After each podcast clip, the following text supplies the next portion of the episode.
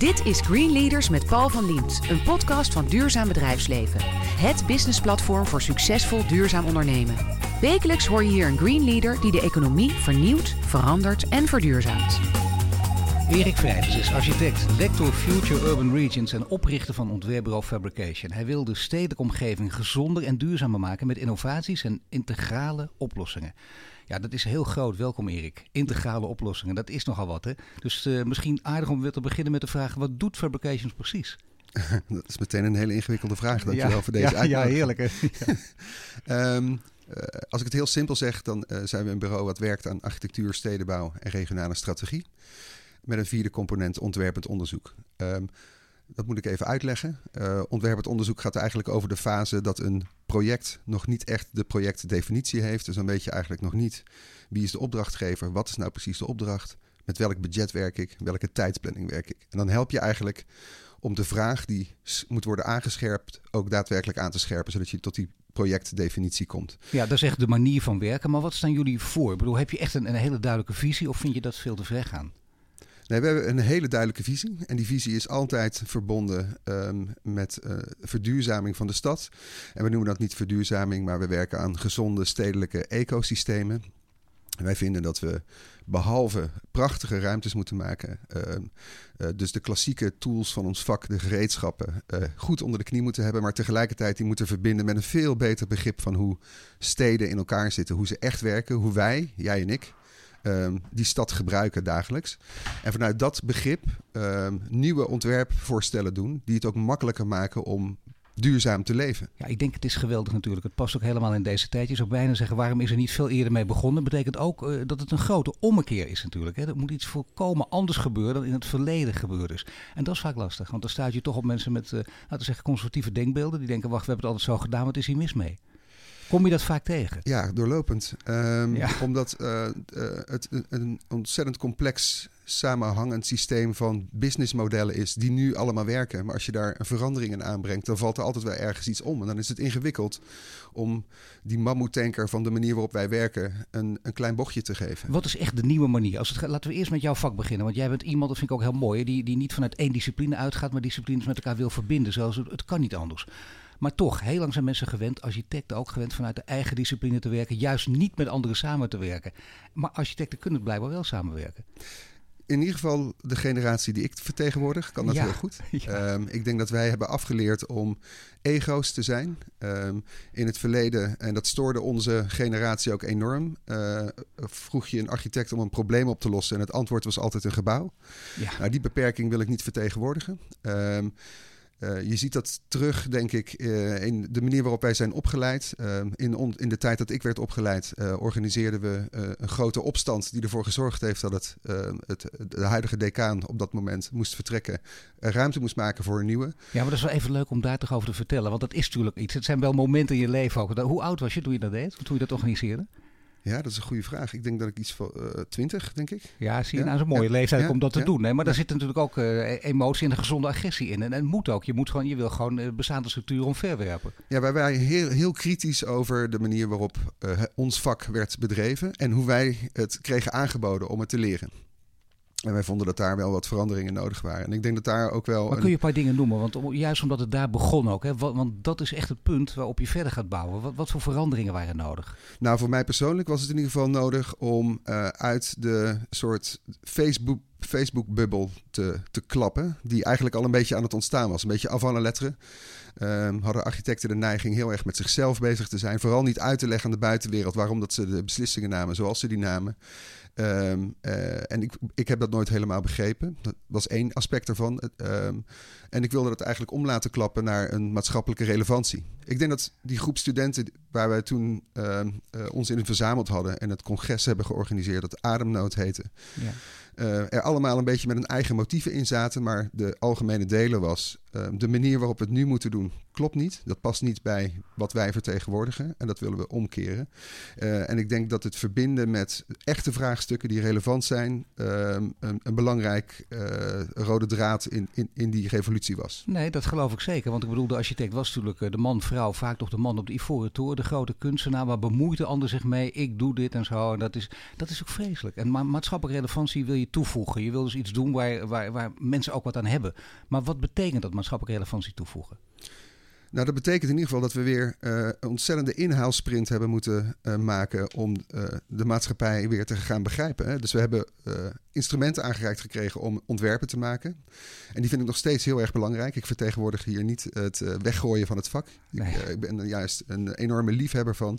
Tegelijkertijd ehm, moesten we wel zelf bedenken hoe we dat begrip van wat er om ons heen gebeurde in de stad, ehm, hoe we dat konden aanleren en konden door ehm, analyseren. Uh, zodat we beslissingen konden nemen die echt gaan helpen die stad beter te laten functioneren. En vooral ook een gezonder systeem te uh, creëren. Voordat we nou naar voorbeelden gaan, betekent dit dat je ook dus de andere partij moest overtuigen. Want die waren natuurlijk ook door de jaren heen gewend met, met laten zeggen, het oude type architectenwerken.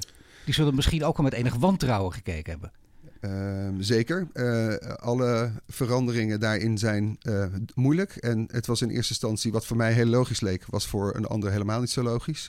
omdat we nog geen beeld hadden gedeeld waar we dan uit zouden komen. En ik denk dat dat nog steeds een hobbel is. De belofte is, is er wel degelijk. Um, maar de eerste goede voorbeelden beginnen nu pas een beetje te ontstaan. Dus uh, dadelijk ga je naar voorbeelden vragen. Nou, doe nu maar meteen. maar nu toch lekker maar die, zijn, die, die, ja. die, die, heb je niet ja. handen vol hè, op dit moment. Er zijn een aantal in, zeer interessante initiatieven. Um, in het buitenland zou ik zeggen is dat uh, uh, Toronto. Uh, Toronto Waterfront is voor een deel wordt ontwikkeld door Sidewalk Labs. Dat is een dochterbedrijf van Google.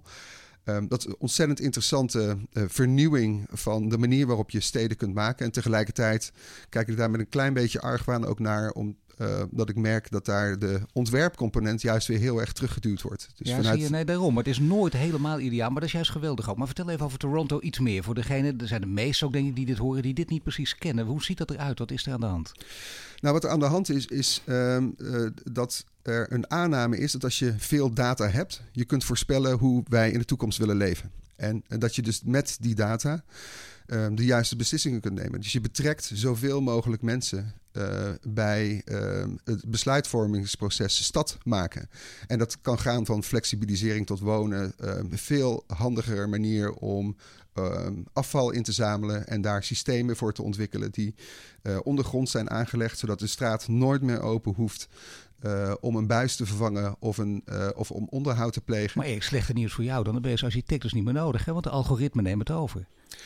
Nou, dat, eh, juist. Dus het, het goede voorbeeld. Er zitten een aantal goede aspecten in. Namelijk, er zitten uh, oprechte goede innovaties in die de stad zeker beter maken. En een gezonder systeem laten zijn. aan de andere kant wordt volgens mij onderschat dat de voorspellende component, namelijk ontwerpen. De ontwerpen gaat over denken in de toekomst. Ja. Voorstellen doen die nog niet bestaan en die visualiseren. Ja. Uh, dat dat wordt uh, genegeerd. En ik denk dat dat geen goede ontwikkeling is. En, en dat is een beetje een lastige discussie in ons vak. En ja. Zeker in de stedenbouw, hè, want daar hebben we het eigenlijk over.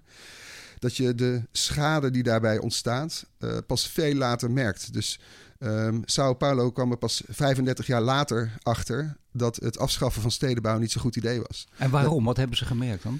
Nou, dat uh, bijvoorbeeld in, wat in Sao Paulo als, voor, als voorbeeld uh, misgaat, is dat alle kritische infrastructuur, uh, dus de industrie, snelwegen, data, allemaal op de plek ligt die dagelijks onderstroomt. Hè? Dus ja. de enorme schade op ja. de verkeerde plek. Er is gewoon niet goed nagedacht over hoe je wonen, werken, recreëren op een, op een goede manier verbindt aan mobiliteitsstromen. En die ook op, de, op veilige plekken in de stad situeert. Waardoor het, dus, het systeem elke dag weer op slot schiet. Speelt er ook mee dat bijvoorbeeld, dat is ook een goed voorbeeld Sao Paulo in die zin denk ik, dat de oude stad daar gewoon weg is. Uh, toeristen die daar naartoe komen, die denken, oh we gaan het centrum bekijken, het volledig verpauperd. Waardoor je dus een, een, een heel negatief beeld onmiddellijk krijgt van zo'n stad. Nou ja, goed. En dat, eh, ik heb het net over de technische systemen. Hè. De, de voorbeelden Zeker. die ik noem, die zijn ja. kritisch. En dat betekent dat het uh, levert economische schade op, milieuschade op. Uh, maar dan is er ook nog het gebruik van de stad, de sociale component stad. Je kunt uh, stenen stapelen wat ja. je wil, maar zonder mensen erin heb je nog steeds een stapel stenen. Ja. Ehm, en, en ook die component is daar totaal ondergeschikt geraakt. Hè. Er is heel slecht nagedacht over hoe mensen die stad gebruiken. En daar kan ik ook een goed voorbeeld van geven. Het kost ongeveer drie tot vier uur om van de rand van de stad naar het centrum te gaan, waar alle banen zijn. Dus dat betekent dat je een halve werkdag uh, nodig hebt om bij je werk te komen. Dat betekent dus dat niemand werk heeft, hè, omdat die bereikbaarheid uh, uh, niet goed georganiseerd is. Ja, dat betekent dus wel dat er twee componenten zijn. Het ene, het meten. Jij ja, vindt dat heel goed, dat is heel mooi. Maar vergeet alsjeblieft niet dat je een ontwerper nodig hebt die naar de toekomst kijkt. Hier. En dat kunnen, dat kunnen, het mooie nieuws zou ik bijna zeggen, is dat kunnen robots nooit. Dat kunnen, hoe je het ook noemt, dat, dat kan ook door wat voor digitalisering niet tot stand worden gebracht. Dat zul je echt zelf moeten bedenken. Daar kun je dan toch in gaan uitblinken? Of is dat te positief gedacht? Ja, waar we nu in zitten is dat uh, het verhaal uh, van waaruit wij werken. Uh, zowel binnen ons lectoraat als binnen mijn bureau. En er zijn een handvol andere bureaus die op dezelfde manier naar de stad kijken. Uh, op zich heel goed begrepen wordt. Maar het is nog steeds slecht meetbaar. Dus degene die hem uitvraagt, de, bijvoorbeeld in de vorm van een tender, kan slecht beoordelen of, of die uh, uh, met een goed of met een slecht voorstel te maken heeft. Ja. Dus soms wordt er gestuurd, naar mijn smaak, op de verkeerde parameters om te, om te in te schatten of die stad een goede stad wordt. Nou ja, het is ook lastig natuurlijk, hè? omdat Zeker. dit ook nieuw is. Omdat in te schatten is ook nieuw. Wat zijn de verkeerde parameters? Waar wordt er verkeerd op ingeschat dan? Nou, ik denk bijvoorbeeld, er wordt uh, in architectuurprijsvragen heel vaak gevraagd om helemaal over de top te gaan met de EPC-waarde. EPC-waarde is een waarde die iets zegt over hoe goed een huis geïsoleerd is, hoe goed een woning geïsoleerd is. Ja. Maar dat is een norm. Dat is eigenlijk helemaal geen gemeten waarde. Ja. Uh, en en uh, daar gebeuren de gekste dingen. Dus nul zou oké okay zijn, uh, maar min 4 wordt aangeboden. Ja. Het, het, het, kan niet gekker. Dat betekent dat je eigenlijk energie aan het leveren bent. Um, maar dat zijn eigenlijk niet de sturingsmechanismen om goede steden te maken. Dan krijg je misschien energetisch uh, uh, een interessante woning. Maar al die andere aspecten waar de stad ook een uh, performance heeft, een prestatie moet leveren, worden eigenlijk genegeerd. Um, dus ik vind dat die prestatievraag veel meer naar voren moet worden getrokken. Het gaat niet om normen, maar het gaat om het vragen naar prestaties. En hoe die prestaties moeten worden geleverd dat is aan het team wat het voorstel doet. En dat is een ontwerper, een ontwikkelaar uh, en een bouwer die samen een voorstel doen. En daar moet je dus gewoon ook risico's in durven nemen. Dan moeten dus beide partijen risico's in durven nemen. Ook gewoon te zeggen, we geven dus of we gunnen die opdracht aan jullie en we gaan ervan uit dat jullie dit gewoon voor elkaar krijgen. Ook nou, misschien... kunnen wij dat niet helemaal hard maken. Ik, ik, denk dat het stellen van normen uh, uh, voortkomt uit risicomijdend gedrag. Ja. Uh, maar het vragen naar prestaties die daadwerkelijk ook worden geleverd, is volgens mij geen risico. Dus dat risico aan de vragende kant is zeer beperkt, zou ik zeggen. Als je kijkt naar Nederland, je gaf het voorbeeld in, uh, uit Canada, van Toronto. Maar kun je ook een voorbeeld in Nederland noemen waarvan je zegt, nou, dat uh, ideaal is het nooit, maar dat komt wel in de richting zoals wij het voor ogen hebben? Nou, dan moet ik een voorbeeld geven waar ik zelf aan gewerkt heb. Ja, ik ben er heel trots nee, dat mag wel. Ja, natuurlijk. natuurlijk. um, maar ik denk dat oprecht um, een van de meest aansprekende voorbeelden is op dit moment in Nederland over hoe je aan een gezonde Um, um, stedelijkheid kunt werken. En dat is de transformatie van uh, Belma Baaiers naar Belma Kwartier. Ja. Um, daarin hebben wij uh, uh, al heel vroeg een rol gespeeld. De, onze opdrachtgever. mag ik die noemen? Je opdrachtgever mag jij gewoon noemen. Ah, mag, mag je, noemen. je mag alles iedereen noemen. Heel goed. Ja, dan, heel netjes van jou, maar dat mag ja, gewoon. Ja, maar even, ja. dat is AM. Uh, die, ja. Dat is de ontwikkelaar, uh, gedelegeerd. Die, uh, er zitten nog een paar andere part, partners bij. maar zij kwamen in het begin naar ons toe, omdat ze wisten dat de tender er, er aankwam. En zij vroegen zich af, nou, we kunnen ongeveer wel voorspellen wat die tender gaat vragen. Maar wat vinden wij nou eigenlijk zelf van die opgave? En toen hebben wij uh, samen met hen een verkenning uitgerold die uh, uh, heeft gekeken naar hoe, wat kan de rol zijn van deze plek in het economisch systeem van de stad? Hoe kunnen we hier mensen gezonder laten leven? Hoe kunnen we ervoor zorgen dat dit ook een sociaal-culturele uh, rol speelt, deze plek in het ecosysteem van Amsterdam? Um, hoe maken we uh, een stad die klimaatadaptief is? Um, hoe zorgen we ervoor dat de materialen die hier zijn opnieuw worden gebruikt, zodat het circulair wordt? En hoe zorgen we ervoor dat uh, de bronnen die we aansnijden als energiebron ook duurzaam zijn? Maar het is fantastisch. Hè? Dus het hele project, alles bij elkaar, waar je dus heel veel specialismen voor nodig hebt, heel veel samenwerking nodig is, heel veel communicatie nodig is. En toch lukt dat. Dat lukt. En zij hebben zich daar ook ontzettend in vastgebeten. Dus we, we zitten nog steeds in dat proces. Um, Moet je met een centrale regisseur werken in zo'n geval, of is dat niet nodig? Nou, nee, zeker wel. En dat heb ik ook geleerd van dat proces. Wat AM heel goed heeft gedaan, is dat we in de tenderfase, en daarna gingen we aanbieden. Toen kwam de vraag van de gemeente erop. Ze hebben hun eigen ambitie erbovenop gelegd. En toen hebben we met soms met, met, met 40 partijen aan tafel gezeten in een fase dat we zaten te schetsen. Dat was bizar.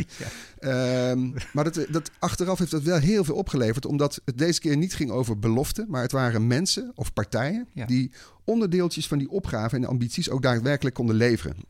Dat is een groot verschil. Dus zeggen dat een, stal, een, een plan uh, uh, bijdraagt aan jouw gezondheid, dat je twee, drie jaar ouder wordt, is iets heel anders dan het bewijzen, het onderbouwen en laten zien hoe je dat gaat doen. En, en dat hebben we wel uh, voor elkaar gekregen. Dus daarna hebben we een duurzaamheidsmasterplan gemaakt naast een ruimtelijk masterplan. En dat is leidend geworden voor de huidige ontwikkeling waar tal van architecten nu aan zitten te tekenen. Het is, het is net een geweldig project. Ik snap dat je daar trots op bent. Maar voor degenen die het niet kennen, misschien ook heel veel mensen buiten Amsterdam, weten wel dat het een gevangenis was. En het, er zijn appartementen van gemaakt. En je woont dus redelijk dicht in de stad, dicht bij het centrum. Het is, het is, het is te fietsen. Ja, het is om de hoek uh, bij Amsterdam. Het is ongeveer ja, en vlak bij station ook dat nog. Dus dan zit je ook al op een hele mooie plek. Uh, is het ook altijd belangrijk om uh, de geschiedenis, uh, de, laten we zeggen, enige eer aan te doen? Dus dat je weet, dit is een voormalige gevangenis. Of hoef je dat helemaal niet terug te zien? Nou, ik vind van wel. Ik vind dat het heel belangrijk is. Ik vind ook dat daar, daar zit die component sociaal-culturele verbondenheid, die, duwt daarop. het is voor mensen heel prettig en bijna noodzakelijk om in een omgeving te functioneren die je herkent. Je herkent de patronen, je herkent de elementen en details die je Dus je ziet. weet gewoon, ik woon in een oude gevangenis. Maar ik voel me niet gevangen. Nou, je woont in dit geval kan het niet. We hebben onderzocht of dat kon. Ja. Of je echt in de oude gevangenis of in de cellen kon nee. wonen. Maar het gebouw bleek helemaal niet sterk genoeg. Nee, nee maar ik bedoel gevoelsmatig. Ja, dat, dat een van, de, van die torens die we ja. daar handhaven, wat we de groene toren gaan noemen, wordt, uh, uh, is een oude gevangenistoren die we transformeren tot verticaal park. En daarin kun je letterlijk dus de celstructuur nog lezen. Die is gewoon zichtbaar. Ja. Nou, zullen er mensen zijn die daar bedenkingen bij kunnen hebben? Hè? Mensen Zeker. die daar willen gaan wonen. ja. Jongen, jongen, we hebben een geweldig appartement gekocht, wonen we in een gevangenis. Hoe, hoe kun je deze mensen even over de streep helpen, psychologisch gezien? Um, nou, ik denk als je, als je naar de beelden kijkt, het is jammer dat dit een, uh, wat dat betreft, is het misschien de enige beperking van een podcast waar je naar kunt luisteren. Uh, maar als je naar de beelden kijkt, zie je dat er uh, een hele aantrekkelijke groene stad aan het ontstaan is, die helemaal niet aanvoelt als een gevangenis. Maar het is wel interessant om te zien dat het hoofdgebouw, plus die gevangenistoren waar vroeger vrouwen in werden opgesloten ja. om te wachten, af te wachten wanneer op, ja. op een rechtszaak, um, dat die is behouden is gebleven, waardoor echt een een belangrijke component van het systeem nog steeds zichtbaar is. En dat je elke keer eraan herinnerd wordt dat dit zich vroeger heeft afgespeeld op die plek. Ja. Uh, maar dat je nu de vrijheid hebt en dat je boven... Je krijgt een sleutel, dat scheelt een stuk. Ja, dat is wel heel zelf, fijn. Maar, maar dat was er bij de baas ook, hè? Dan kreeg je ook zelf de sleutel. Dat is waar trouwens, ja. dat, oh, ja. Dus dat is helemaal dat geen is, verschil. Dat is, nee, dat is ook dat hetzelfde gebleven. En uitzicht op het water, althans water vlakbij. De Amstel is er vlakbij. Het is prachtig. En uh, je, uh, waanzinnige uitzichten. Je voelt nog steeds dat het een gevangenis-eiland is geweest. Hè? Ja. Er zit een single omheen. Dus je ja. wordt door een paar ruimtelijke elementen eraan herinnerd... dat dit vroeger een andere functie had. Um, en dat heeft ons ook voordelen opgeleverd. Onze duurzaamheidsstrategie is erop op dat het vroeger een zelfstandig functionerend eiland was. En dat hebben we gewoon in ere gehouden. Dat is een belangrijk aanknopingspunt, waardoor we dus op lokale schaal nu organisch afval gaan inzamelen. Um, we hebben een eigen energiegrid, wat, uh, wat gevoed wordt door datacentra en de single die er omheen ligt. Dus juist het feit dat het een, een gevangenis was, is een enorm voordeel geworden in het verduurzamen van deze plek. Je hoort architect Erik Vrijters. Net sprak hij over de manier waarop zijn ontwerpbureau bijdraagt aan de ontwikkeling van gezonde steden. En zo praten we verder over zijn persoonlijke drijfveren.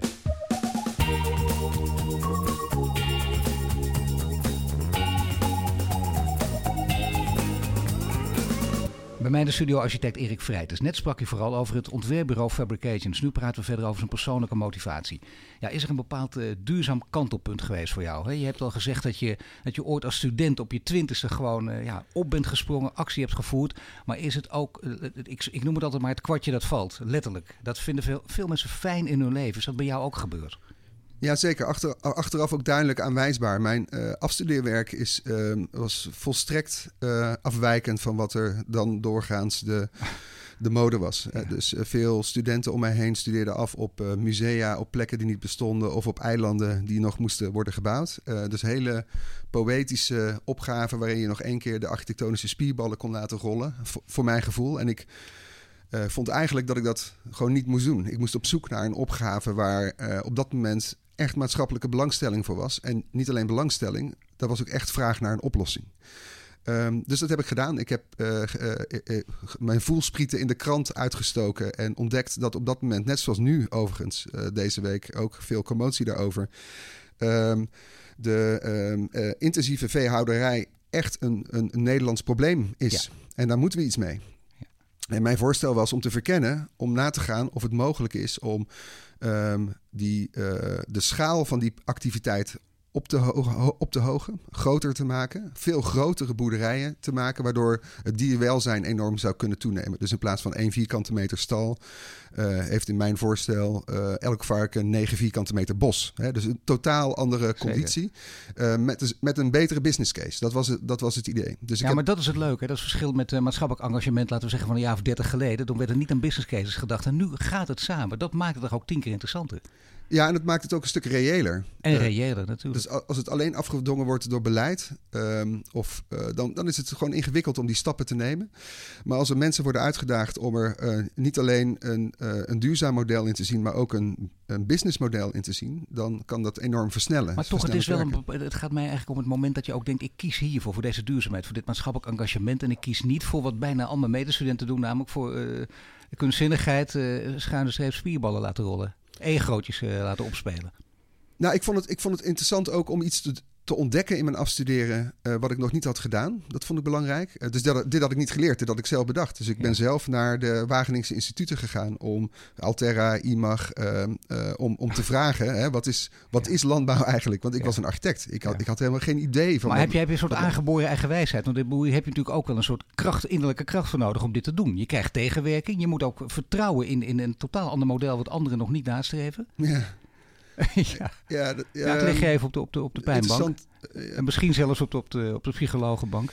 Volgens mij uh, uh, heb ik, doe ik dit soort dingen vrij naïef. en begin ik er gewoon aan en dan blijkt het, bleek het in dit geval goed af te lopen. Dat is misschien de, uh, de volgorde. Ik heb daar niet heel bewust over nagedacht. Ik vond het heel belangrijk om het te doen. En ik vond het ook belangrijk dat het relevant was. Uh, want ik kan het zelf bedenken, maar ik heb echt geen verstand van die dingen. Dus ik dacht ik, ik stel me op als iemand die dus dat nog even moet leren. Ja, maar je wil dan wel een, praktische, bijdrage, een praktische bijdrage leveren voor, voor ja, meer mensen. Ja, dat is wat anders dan dat je denkt, voor mijzelf wil ik een groot kunstwerk neerzetten. Ja, en ik was ervan overtuigd dat dat tegelijkertijd kon. Hè? Dus ik ben nog steeds ervan overtuigd dat deze nieuwe extra uh, lading uh, content en beperkingen, door, misschien hè, door veel mensen toch gezien als, moet ik daar ook nog rekening mee houden? Ja. Wordt, voelt voor mij vaak als een extra kans om uh, bijzondere nieuwe expressies te, te Heb je vroeger op de vrije school gezeten, of niet? Nee, helemaal niet. Nee, dat ik zou zeer, je denken, zeer katholieke school. Zeer katholieke school. Oh, oh dat, dat, dan zit er toch een oh, heel katholiek. En waar, als ik vragen mag? In Breda. Ik ben opgegroeid in Breda. Ja, ja. En, en wat voor ouders?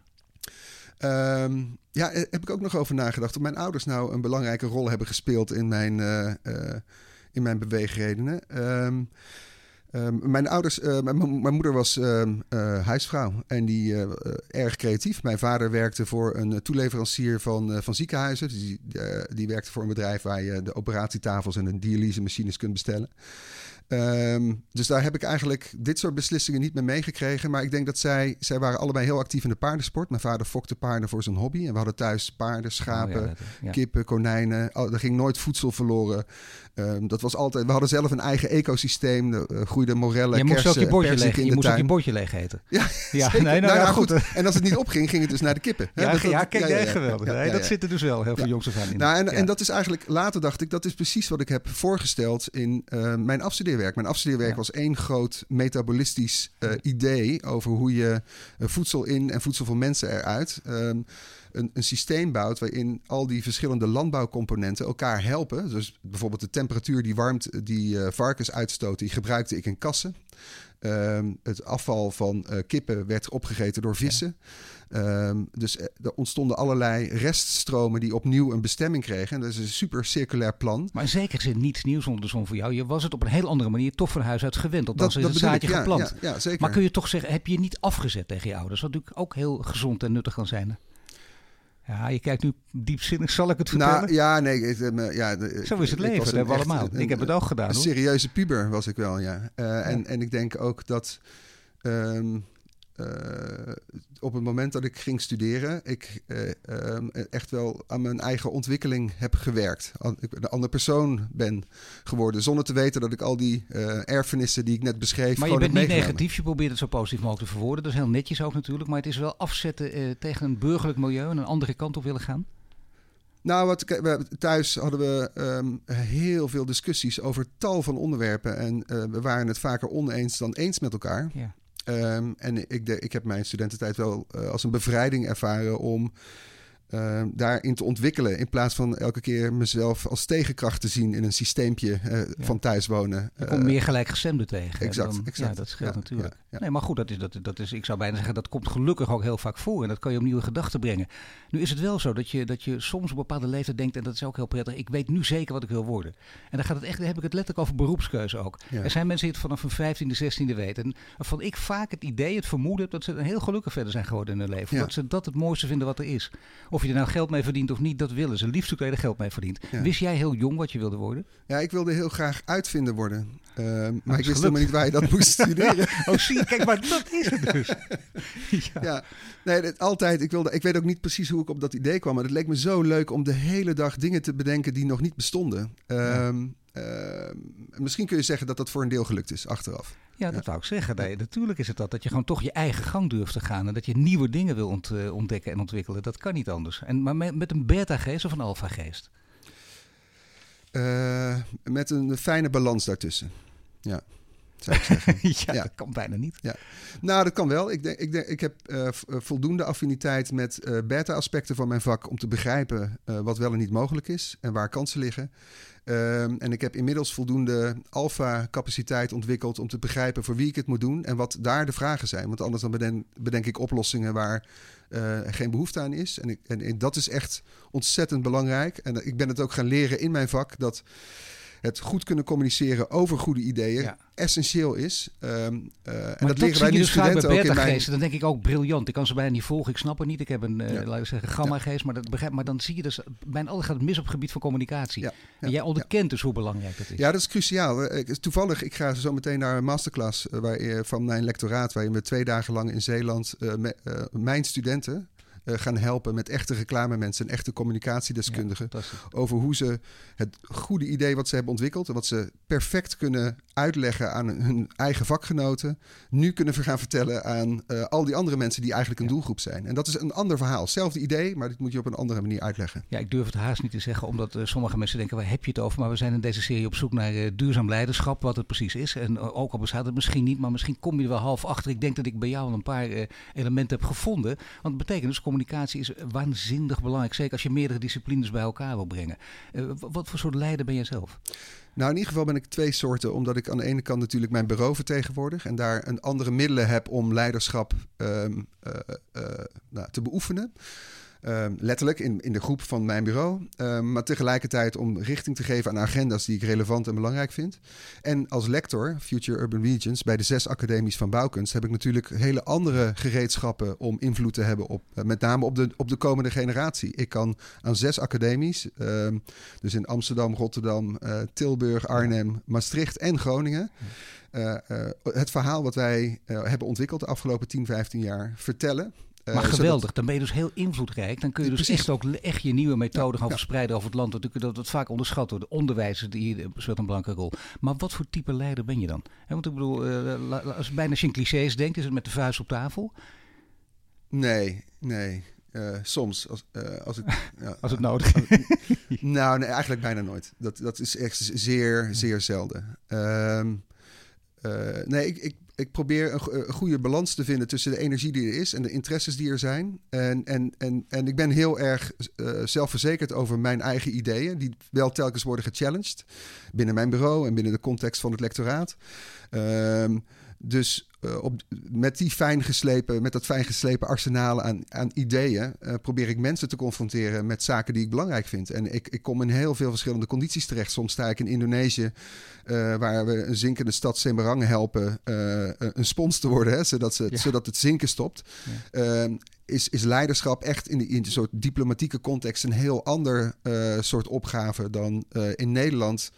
Uh, opdrachtgevers ervan overtuigen dat die duurzaamheidscomponent cruciaal is. Voor jou is empathie. En empathie in de zin van heel veel begrip voor een ander kunnen hebben. Dus snappen hoe iemand denkt. Daar gaat het om. En, niks softs, maar gewoon echt snappen hoe iemand denkt. Dus essentieel bijna. Ja, maar ook de business case boven water krijgen. Dat is een beetje plat wat ik nu zeg. Ik schrik er zelf een beetje van. Maar uh, de essentie van wat is nu de waarde van dit idee en hoe kun je daarmee ook waarde maken, waardoor het voor jou ook iets gaat betekenen. Dat is volgens mij een hele belangrijke methode. Om, dat begrijp ik, dat kun je meten. Maar dan hoe, dan gaat het, de vraag is dan wel, hoe leg je dat op? Hoe doe je dat hè? in verschillende culturen? Nou, verleiden is daar wel een belangrijke uh, methode in. In mijn vak maken we waanzinnig mooie tekeningen, mooie modellen, mooie maquettes. Uh, en, en die kunnen mensen echt overtuigen uh, van een idee waar ze nog nooit van gehoord hadden. Om toch in overweging te nemen daar naartoe uh, te werken. Dus die ambities kun je echt losweken door bijvoorbeeld goede dingen te laten zien. Ja, goede dingen te laten zien. Dat wil zeggen, kijk, dit hebben we voor elkaar gekregen in, ik noem wat, je bent in Indonesië en je zegt, we hebben in Nederland hebben we dit voor elkaar gekregen. Het is niet helemaal vergelijkbaar, maar kijk maar eens. Dit is misschien een richting van denken voor jullie ook, op die manier? Nou, of, of nog concreter, um, in, in het plan wat ik net beschreef, uh, uh, Belmerkwartier, uh, maken we een groene toren van die oude um, gevangenistoren.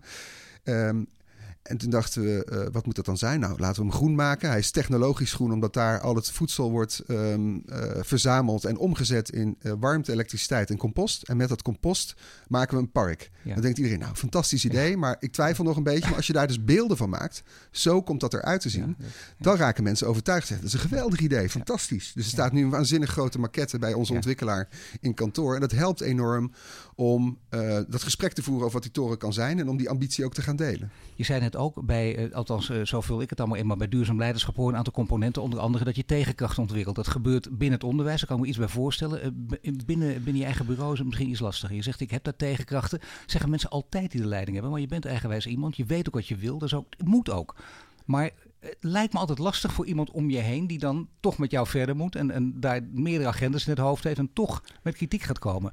Misschien staat hij op je tenen en denk je van wacht eens even die denkt, die denkt er alles over dan ik. Daar hebben geen zin meer in. Nou, dat gebeurt permanent. ja, toch. Maar dan selecteer je ook de mensen op, zou ik zeggen. Hè? Dus ja. dit, dit, uh, dit gesprek hebben we, uh, of de uiting van wat je nu beschrijft, ja. hebben we uh, wekelijks op kantoor. en anders ontstaat het wel in een zaaltje. Hè? Als we weer ergens de gelegenheid krijgen om een van onze ideeën te presenteren, dan komen er altijd wel kritische vragen uit de zaal. Of is er een rode draad? Is er een rode draad als het om de weerstand gaat? Waarvan je denkt, en, en in die zin dat je ervan kan leren? Uh, ja. ja, ik denk dat weer. Ik, denk vind het wel mooi dat jij ook stil kan vallen, gewoon. Hè? Je hebt toch uh, goede woordenstroom, maar af en toe even. ja. Nou ja, stelt ook af en toe onverwachte vragen. ja, toch wel. Hè? Moet ik even over nadenken. Ja. Um, ik, uh, ik denk dat die weerstand wel helpt om, om energie vast te houden. Als het heel makkelijk gaat, dan um, heb je misschien, heb ik misschien de neiging om te denken dat het minder belangrijk is. dan gaan we naar de volgende uitdaging. Het zou kunnen dat, dat die die uh, een beetje tegendruk heel goed is voor de kwaliteit van het idee in de eerste plaats, maar ook om energie vast te houden en te weten, dit is belangrijk. Als mensen namelijk een beetje tegendruk gaan geven, dat betekent dat ze zich eigenlijk al in een volgende fase beginnen. Ze hebben zichzelf al ja. geprojecteerd in het antwoord en beginnen nu de ja-maar-vraag te stellen. Dus je hebt al geaccepteerd, dit is een goed idee, maar wat betekent dat nou voor mij? Dus die weerstand is misschien intuïtief ook wel een belangrijk moment om te herkennen. Uh, mijn uh, toehoorders snappen ja. dit. Die, uh, die denken, nou, dit, dit, moeten we misschien wel heen. Maar dan heb ik nog wel een paar vragen. Wat het dan, hoe, hoe we daar dan komen. Aan het woord is architect Erik Vrijders. Net spraken over zijn achtergrond. Nu praten we verder over de manier waarop verduurzaming van steden vorm kan krijgen.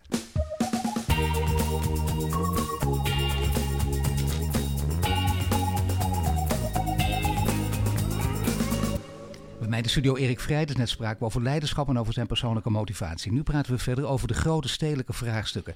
Ja, dat is ook weer een, niet de makkelijkste vraag. Ik weet het. Gelukkig hoef ik het antwoord niet te geven. Maar jij wel. Wat zijn de grote stedelijke vraagstukken van dit moment?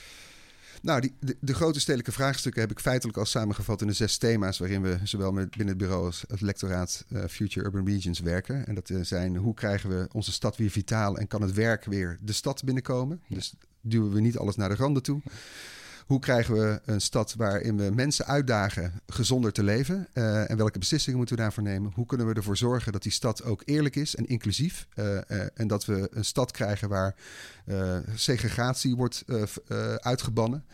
Um, hoe krijgen we een stad die klimaatadaptief is? Onze omgeving gaat echt veranderen. Het wordt steeds warmer in de stad. Ehm, nu is er nog net geen concrete vraag, maar binnenkort moeten we onze woningen ook kunnen koelen.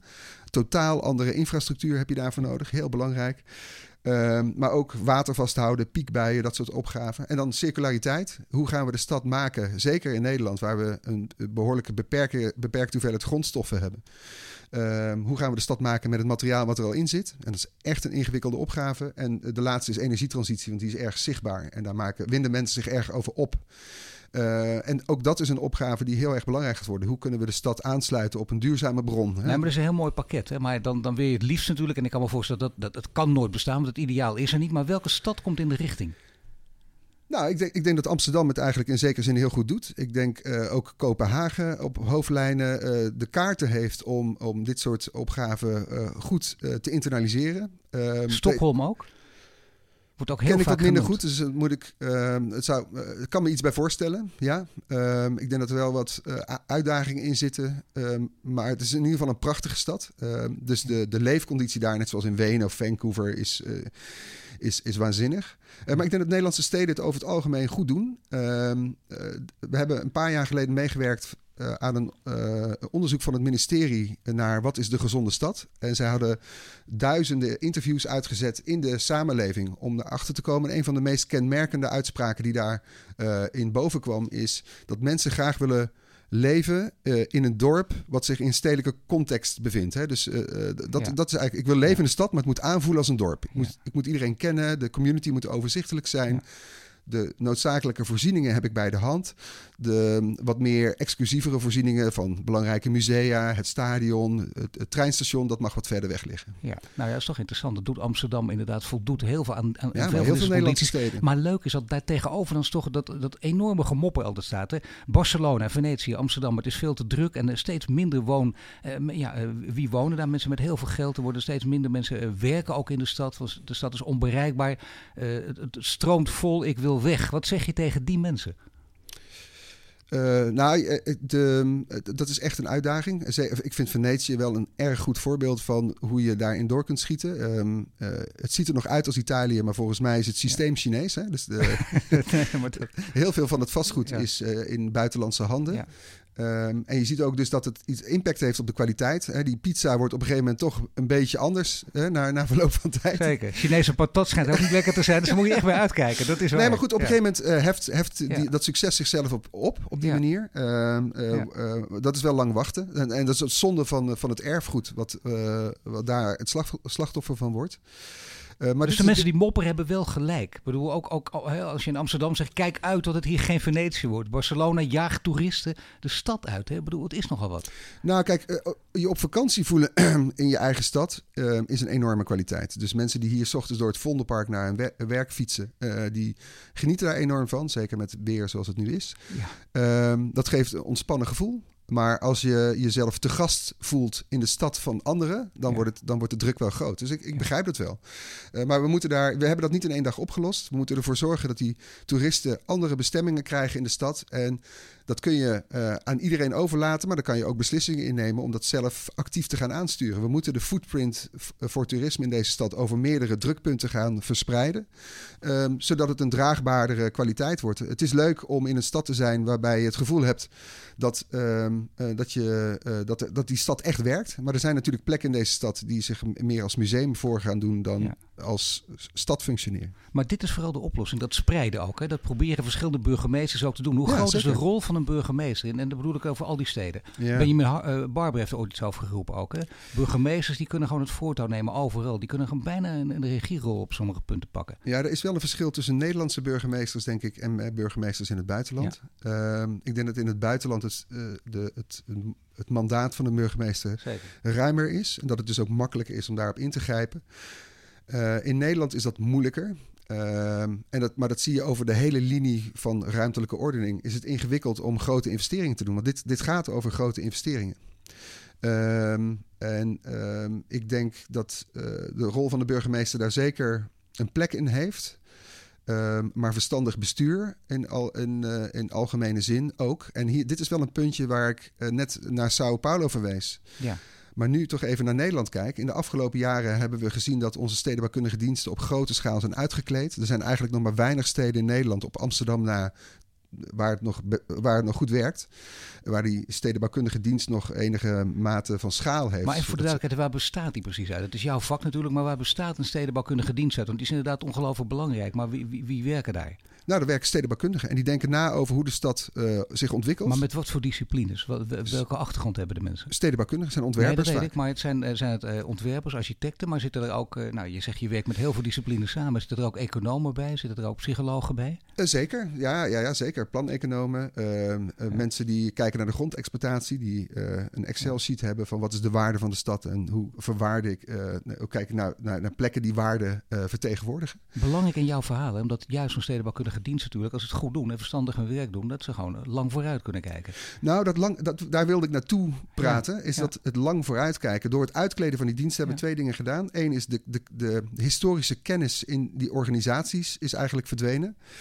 Dus uh, we moeten alles weer opnieuw leren op veel plekken. Uh, dat is één. En twee, het vooruitkijken uh, is niet altijd meer aan de orde. Dus of het kan niet omdat er capaciteit ontbreekt. Gewoon simpelweg te weinig mensen. Er is gewoon geen ruimte voor. Maar ook de, de, de bestuurlijke wil om te snappen dat sommige processen wat langer duren dan uh, bestuursperiodes, is uh, volgens mij uh, een beetje uit beeld verdwenen. waardoor het, dit soort problemen dus eigenlijk nooit echt geadresseerd worden. We praten er heel veel over en iedereen klaagt erover. Maar je kunt hier gewoon plannen voor maken. Je kunt gewoon zeggen, nou, we gaan het aanpakken. We gaan het serieus doen. maar dat vereist dus een andere scope, een ander ritme, een andere frequentie. Uh, van uh, projecten uh, starten. Dan nou ja, dit is nogal een punt, zeker in, in, jouw manier van denken. Zoals jij die ook over, de, over heel Nederland in ieder geval probeert uit te spreiden. Met internationale projecten ook aan de gang bent. juist ver voor uitkijken. Dat zeg je steeds. Dat ja, is het belang. Ja, dat heb je dus nodig. Ja. Stedenbouwkundige die, diensten versterken. Dat, dat, is misschien wel een, een van de grote punten op dit moment. Nou, dat zou wel helpen. Maar dan krijgen we in ieder geval weer de goede vraag in de markt. Dus als je geen mensen hebt die de vraag kunnen stellen, is het beantwoorden ervan ingewikkeld. Ehm, en het helpt dus ook weer om die lange termijn vast te leggen. Het zou niet slecht zijn om daar opnieuw eens even naar te kijken. Zodat onze steden niet ten prooi vallen aan waar steden als Sao Paulo slachtoffer van zijn geworden. Nu zie je dat steden heel belangrijk zijn om te werken, om te wonen, hoort er allebei bij. Maar je zegt de energietransitie speelt daarbij ook een grote rol. Je hebt al die zaken genoemd die allemaal met duurzaamheid, het containerbegrip te maken hebben. Maar dat betekent ook veel voor mensen. Jullie meten alles, dat weet je. Je, weet, je betrekt er ook de mensen bij die er wonen. Zijn mensen bereid ook om, uh, zoals het zeggen in Kopenhagen bijvoorbeeld ook, hè, die klagen volgens mij helemaal niet. Als daar gewoon uh, een verwarming onder de grond neer wordt gelegd. In Nederland zijn we gewend dat wel te doen. Hè, ligt de straten de hele week opengebroken. Of ik ben een half jaar last van dat soort dingen. Hoe, hoe kun je dat soort hobbels uh, overwinnen? Um, ja, het is, het is, leuk dat je uh, Denemarken aanhaalt. Uh, er is wel een verschil bijvoorbeeld in de manier waarop energietransitie in Denemarken plaatsvindt en in Nederland. Bijvoorbeeld, daar kan je mede-eigenaar van een windturbine worden. Ja. En dat is best interessant. Er beginnen nu de eerste verhalen uh, te ontstaan van mensen die uh, echt heel erg veel winst aan het maken zijn. Ook omdat ze mede-eigenaar zijn. ja. Afschrijvingsperiode is ja, af. Dat, dus, die, ja. dus, die, krijgen maandelijks behoorlijke bedragen overgemaakt. En dan wordt, het, dan, dan wordt de energietransitie in één keer iets heel anders. Hè? Dan gaat het niet alleen meer over horizonvervuiling. Um, maar ik denk ook dat we uh, die bedreiging uh, misschien. Ik, ik, ik, geloof zelf dat deze verandering, deze transitievraagstukken die ik net noemde, een nieuwe kans worden om de stad nog spannender en interessanter vorm te geven. Dus ik denk dat, dat we hem om moeten keren. Dit is geen bedreiging, deze verandering. Deze verandering is een kans om onze oude fouten te repareren en daar nieuwe kansen uh, aan toe te voegen. Maar hoe zien we dat? Hè? Want dat vinden mensen toch altijd wel prettig. Je wil het ook uiteindelijk voor je zien. Als dan een, een stad, laat ik zeggen, een, of jouw straat heeft een half jaar opengebroken gelegen, wat krijg ik daarvoor terug? Meer bomen bijvoorbeeld. Je kunt de stad vol met bomen planten als je wil. Ik noem nu even maar wat we wilden. Maar er zijn allerlei mogelijkheden die je kunt doen. Hoe kun je het ook letterlijk terugzien? Nou, dat, is, een, uh, dat is een hele goede vraag. Uh, ik denk dat um, uh, het beter organiseren van die infrastructuur voor duurzaamheid inderdaad ertoe leidt dat het mogelijk wordt om de stad te vergroenen. Um, bijvoorbeeld Amsterdam heeft een opgave om 30.000 bomen te planten. En dan zou je denken, nou, dat, dat doen we toch even. Maar dat ja. valt dus niet mee. Nee, hè? De, de, de, hele ondergrond zit helemaal vol met kabels, leidingen. Ja.